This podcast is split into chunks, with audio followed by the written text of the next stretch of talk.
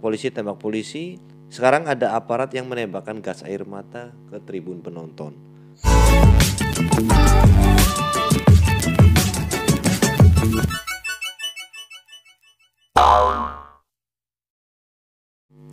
Hey, what's up? Balik lagi bareng gua. Uh, ini gue bikin video dan sebelum gue masuk ke pembahasan, gue mau ngucapin turut berduka cita atas terjadinya kerusuhan yang menimpa para supporter Arema yang terjadi pada saat setelah pertandingan antara Persebaya dan Arema. Jadi ini juga menjadi alasan gue kenapa gue bikin video yang hari ini gue bikin. Sebenarnya gue bikin video ini karena gue kesel karena apa? Karena kemarin gue nonton timnas U17 tanpa atmosfer penonton yang di mana Indonesia sekarang lagi mainnya ditonton enak banget. Sintayong memberi perubahan dan warna baru walaupun beberapa pertandingan kalah tapi gue nontonnya enak banget permainan dari timnas uh, selama dipegang Sintayong itu permainannya enak jadi dari belakang uh, masih bisa bermain dengan bola tidak langsung lob ke depan dan beberapa terakhir pertandingannya juga mereka meraih kemenangan dan sehingga akhirnya si timnas bisa naik rankingnya walaupun beberapa poin. Cuman karena adanya tragedi kerusuhan yang kemarin terjadi, gue agak kesel karena mungkin ini akan berdampak kepada federasi maupun uh, timnas itu sendiri dan ini juga bakalan terjadi sebuah kerugian untuk Indonesia yang sebentar lagi menjadi tuan rumah di Piala Dunia U20. Jadi gue agak kesel kenapa ini terjadi di mana waktu Indonesia lagi mainnya lagi bagus dan prestasi Indonesia lagi di bawah Sintayong ke depan untuk lebih baik. Dari segi permainan dan juga uh, gue lihat permainan yang di bawah Sintayong ini permainan yang enak banget ditonton. Jadi gue kayak nonton Liga Inggris. Cuman dengan banyak sekali berita yang uh, muncul di media lagi jadi trending topik ini gue agak kesel. Kenapa? Karena sebuah unsur untuk melihat sepak bola itu menjadi rame dan menarik itu ya, dari penonton. Dan bahkan gue sebelum bikin video ini gue nonton videonya Valentino Simanjuntak dengan Dedi dan dia memutuskan untuk mundur menjadi presenter sepak bola. Sedangkan dia jadi sebuah elemen di mana gue nonton bola kalau rame ya kalau ada dia eh, sebagai reporter sepak bolanya atau komentator sepak bolanya yang di mana bisa mengevaluasi dan memberikan warna pada saat gue nonton walaupun gak langsung di stadion tapi selama gue nonton dan dia sebagai presenter sepak bolanya juga itu sebuah uh, tontonan yang menarik karena ada gregetnya dan mungkin dia bisa membawa emosi kepada penonton yang nonton di rumah. Salah satu kenapa alasan gue bikin video ini juga karena gue kesel mungkin karena adanya sebuah konspirasi yang sempat tersirat di dalam otak gue karena ini pengalihan isu atau karena apa? Kemarin ada berita polisi tembak polisi, sekarang ada aparat yang menembakkan gas air mata ke tribun penonton. Sebenarnya apa sih yang menjadi sebab e, aparat bisa menembakkan gas air mata yang sebenarnya dalam regulasi sepak bola atau dalam FIFA pun melarang bahwa adanya senjata api ataupun gas pelontar yang e, sudah tertera jelas bahwa FIFA melarang untuk itu. Tapi kenapa ini terjadi? dan berapa jumlah korban tepatnya sebenarnya yang keluar di media adalah sekitar 120 orang tapi ada juga gue baca berita bahwa ini ditekan supaya tidak keluar korban yang begitu banyak tapi ini masih dalam investigasi yang uh, kita tunggu kabar terupdate-nya tapi sebenarnya siapa oknum yang memerintahkan untuk melakukan penembakan gas air mata itu langsung aja kita bahas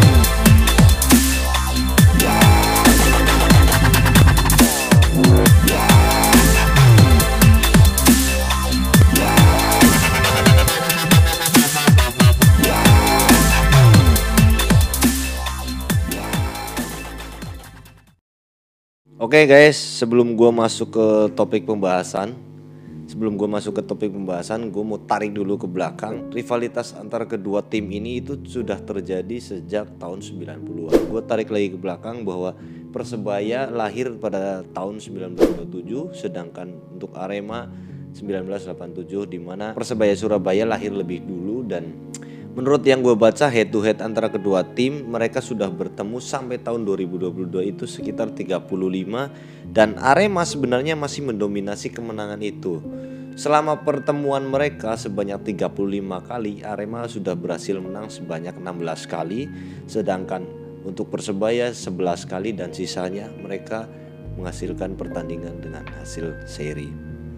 Tapi eh, rivalitas kedua tim sepak bola itu bukan hanya terjadi antara Persebaya maupun Arema. Tapi sebelum kejadian ini sempat juga terjadi sampai PSSI dibekukan dan Liga Indonesia tidak ada lagi hampir beberapa tahun kemarin karena adanya kerusuhan antara supporter Persija dan Persib Bandung yang itu sempat jadi trending topik juga waktu itu dan akhirnya PSSI dibekukan liga tidak ada dan ini lebih banyak lagi korbannya dan terjadi di mana timnas Indonesia yang sedang ada di atas atau permainan mereka sedang dalam segi permainan yang sedang berkembang yang dibawa oleh Sintayong dan gue nontonnya itu enak banget kalau nonton pertandingan timnas. Bahkan jadwalnya pun gue nanti nanti dan berharap gue bisa nonton langsung di stadion. Tapi dengan adanya terjadi kerusuhan kemarin antara supporter arena dengan aparat kepolisian atau aparat pengamanan di lapangan akhirnya mungkin bisa berdampak buruk kepada timnas. Jadi sebenarnya ini yang bikin gue kesel dan gue bikin video ini akan coba buat uh, telusuri uh, menurut persepsi gue sendiri dan gue akan coba bahas uh, dari sisi yang gue bisa terangkan dan dari sisi yang bisa gue tahu. Jadi sebenarnya rivalitas kedua tim itu terjadi kerusuhannya dalam tanda kutip mereka justru bukan dari sepak bola. Pada tahun 90-an yang gue baca justru rivalitas atau kerusuhan antara supporter kedua tim ini terjadi karena konser musik dari Kantata Takwa tahun 90-an di mana para supporter kedua tim ini sudah berada di depan panggung dan para supporter Arema meneriakan yel-yel mereka yang membuat di, membuat supporter Persebaya itu geram dan akhirnya tawuran pun terjadi di uh, depan konser musik tersebut. Lambat laun beberapa tahun kemudian juga ada sebuah penyerangan kepada supporter Persebaya ini mana dinamakan bonek. Jadi ada uh, penyerangan terhadap bonek di mana ada salah seorang supporter Persebaya itu dipukuli dan sampai akhirnya uh, cedera dan itu menjadikan supporter Persebaya menunggu arak-arakan dari uh, supporter Arema atau Aremania di dalam sebuah tol dan akhirnya terjadi kerusuhan juga. Jadi bahkan secara geografis kedua tim berada dalam satu wilayah yaitu berada di Provinsi Jawa Timur. Jadi sebuah tim besar yang berada di Jawa Timur namun gengsi mereka mungkin yang e, menyebabkan kerusuhan atau e, terjadinya gesekan antara supporter kedua tim.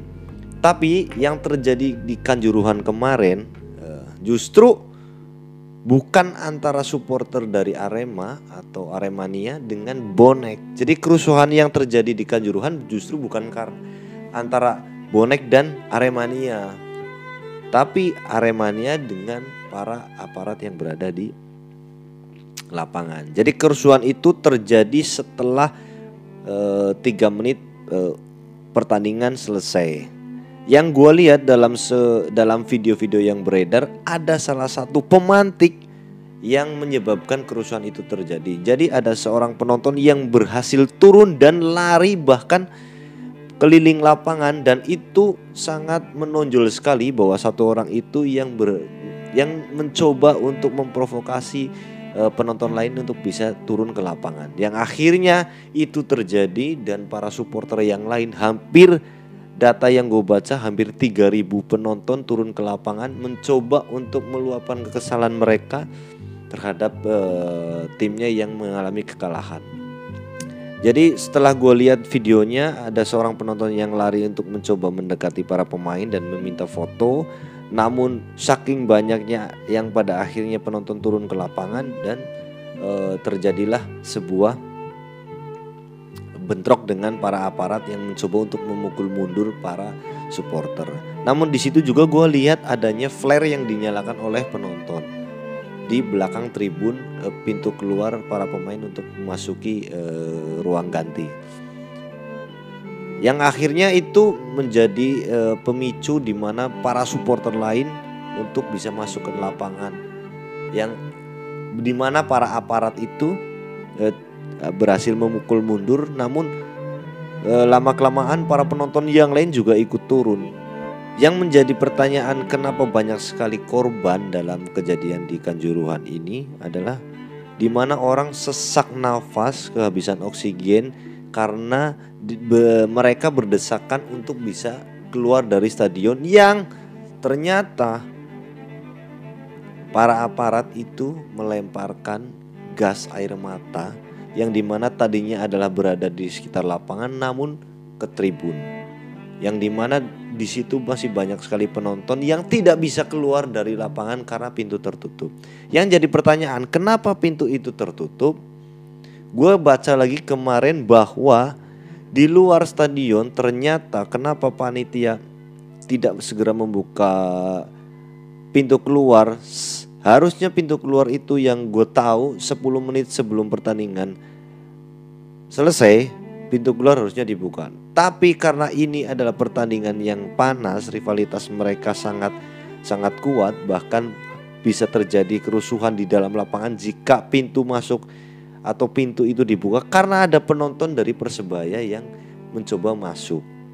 Jadi mungkin itu menjadi salah satu pertimbangan para panitia penyelenggara untuk tidak membuka pintu selama 10 menit sebelum pertandingan selesai. Itu yang gue baca satu. Yang kedua, bahwa dalam regulasi FIFA tidak boleh menggunakan gas air mata. Tapi para aparat melontarkan itu bahkan ke tribun. Jadi seolah-olah ini itu sudah disiapkan bahwa akan terjadinya kerusuhan. Padahal di dalam tidak ada supporter dari Persebaya. Tapi full tiket terjual dan diisi oleh supporter Aremania. Dan pada saat itu Arema mengalami kekalahan. Jadi sebenarnya otomatis kalau menurut gua ini bakalan terjadi kerusuhan. Sudah diprediksi. Tapi ternyata di dalam stadion tidak ada supporter dari Persebaya. Malah yang akhirnya mereka bentrok dengan para aparat yang di mana supporter itu semakin banyak aparat ketahan dan akhirnya mungkin terpaksa melemparkan gas air mata yang menjadi sebab utama menurut gua terjadi jatuhnya banyak korban karena sesak nafas dan tidak bisa keluar dari pintu keluar stadion. Jadi itu satu, yang pertama eh, aparat pengamanan yang ada di lapangan kalau mereka tahu, panitia penyelenggara tahu bahwa regulasi FIFA tidak boleh menggunakan gas air mata, pasti itu tidak ada di dalam lapangan dan mereka mencoba melakukan prosedural pengamanan dengan regulasi yang sudah e, mereka ketahui. Karena gas air mata dilarang dan 10 menit sebelum pertandingan harusnya pintu keluar sudah dibuka. Seperti yang gue bilang tadi bahwa ini eh mengantisipasi bahwa terjadinya kerusuhan, mungkin mereka berjaga-jaga membawa gas air mata dan tidak beraninya mereka membuka pintu keluar karena mungkin ada supporter Surabaya yang bisa saja masuk kalau 10 menit pertandingan pintu keluar dibuka. Itu mungkin yang menjadi pertandingan. Tapi kenapa ada sebuah perusakan mobil aparat keamanan yang di mana kabar yang gue baca bahwa itu dirusak oleh para supporter Surabaya. Mungkin karena mereka kesal tidak bisa masuk dan akhirnya merusak beberapa unit mobil dari aparat. Ya mungkin itulah uh, dilematika sepak bola Indonesia. Tapi yang gue kesesal seperti yang gue bilang tadi ya karena gue nggak bisa nonton timnas dengan atmosfer yang lebih ramai lagi. Dan kemarin juga gue baca berita bahwa Eh, sebenarnya dari pihak Kapolres juga sudah memberikan surat edaran bahwa penyelenggaraan harus dilaksanakan sore hari tidak malam hari karena mungkin rawan terjadinya kerusuhan. Tapi oleh panitia penyelenggara mungkin dihiraukan dan ditolak sehingga akhirnya pertandingan dilaksanakan tetap pada malam hari.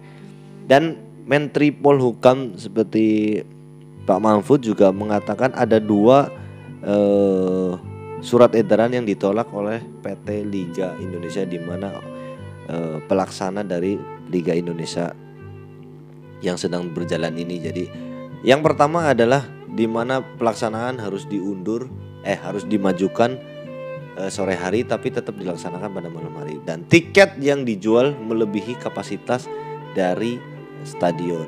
Tapi dari pihak penyelenggara juga menampik itu dengan uh, tidak adanya penonton yang meluber di dalam stadion. Tapi pada faktanya mungkin menurut Pak Menteri ini bahwa tiket yang dijual itu melebihi dari kapasitas stadion.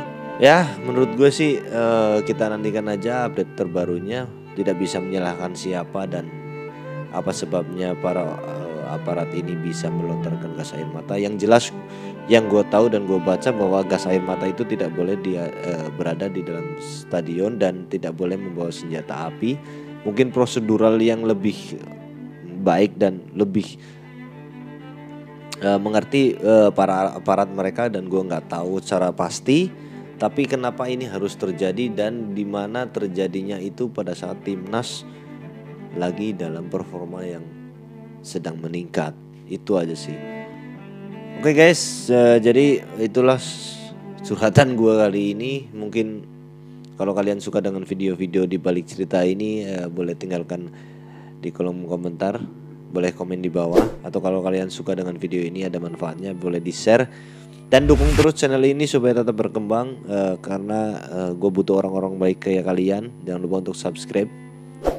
Mungkin ini dulu dan uh, gue coba untuk uh, buat kesimpulan bahwa sepak bola Indonesia sedang dilanda uh, duka bahwa banyak sekali supporter yang meninggal karena kerusuhan yang terjadi antara supporter Arema dengan para aparat. Di sini gue bikin video ini karena gue kesel aja karena nggak bisa nonton video timnas Indonesia dengan lebih meriah. Mungkin banyak sekali yang menganggap ini konspirasi pengalian isu yang kemarin polisi tembak polisi, sekarang polisi tembak penonton dengan gas air mata atau pengalian isu dari kemarin ada seorang hacker yang mencuri data-data kepribadian dari presiden ataupun apa pun itu.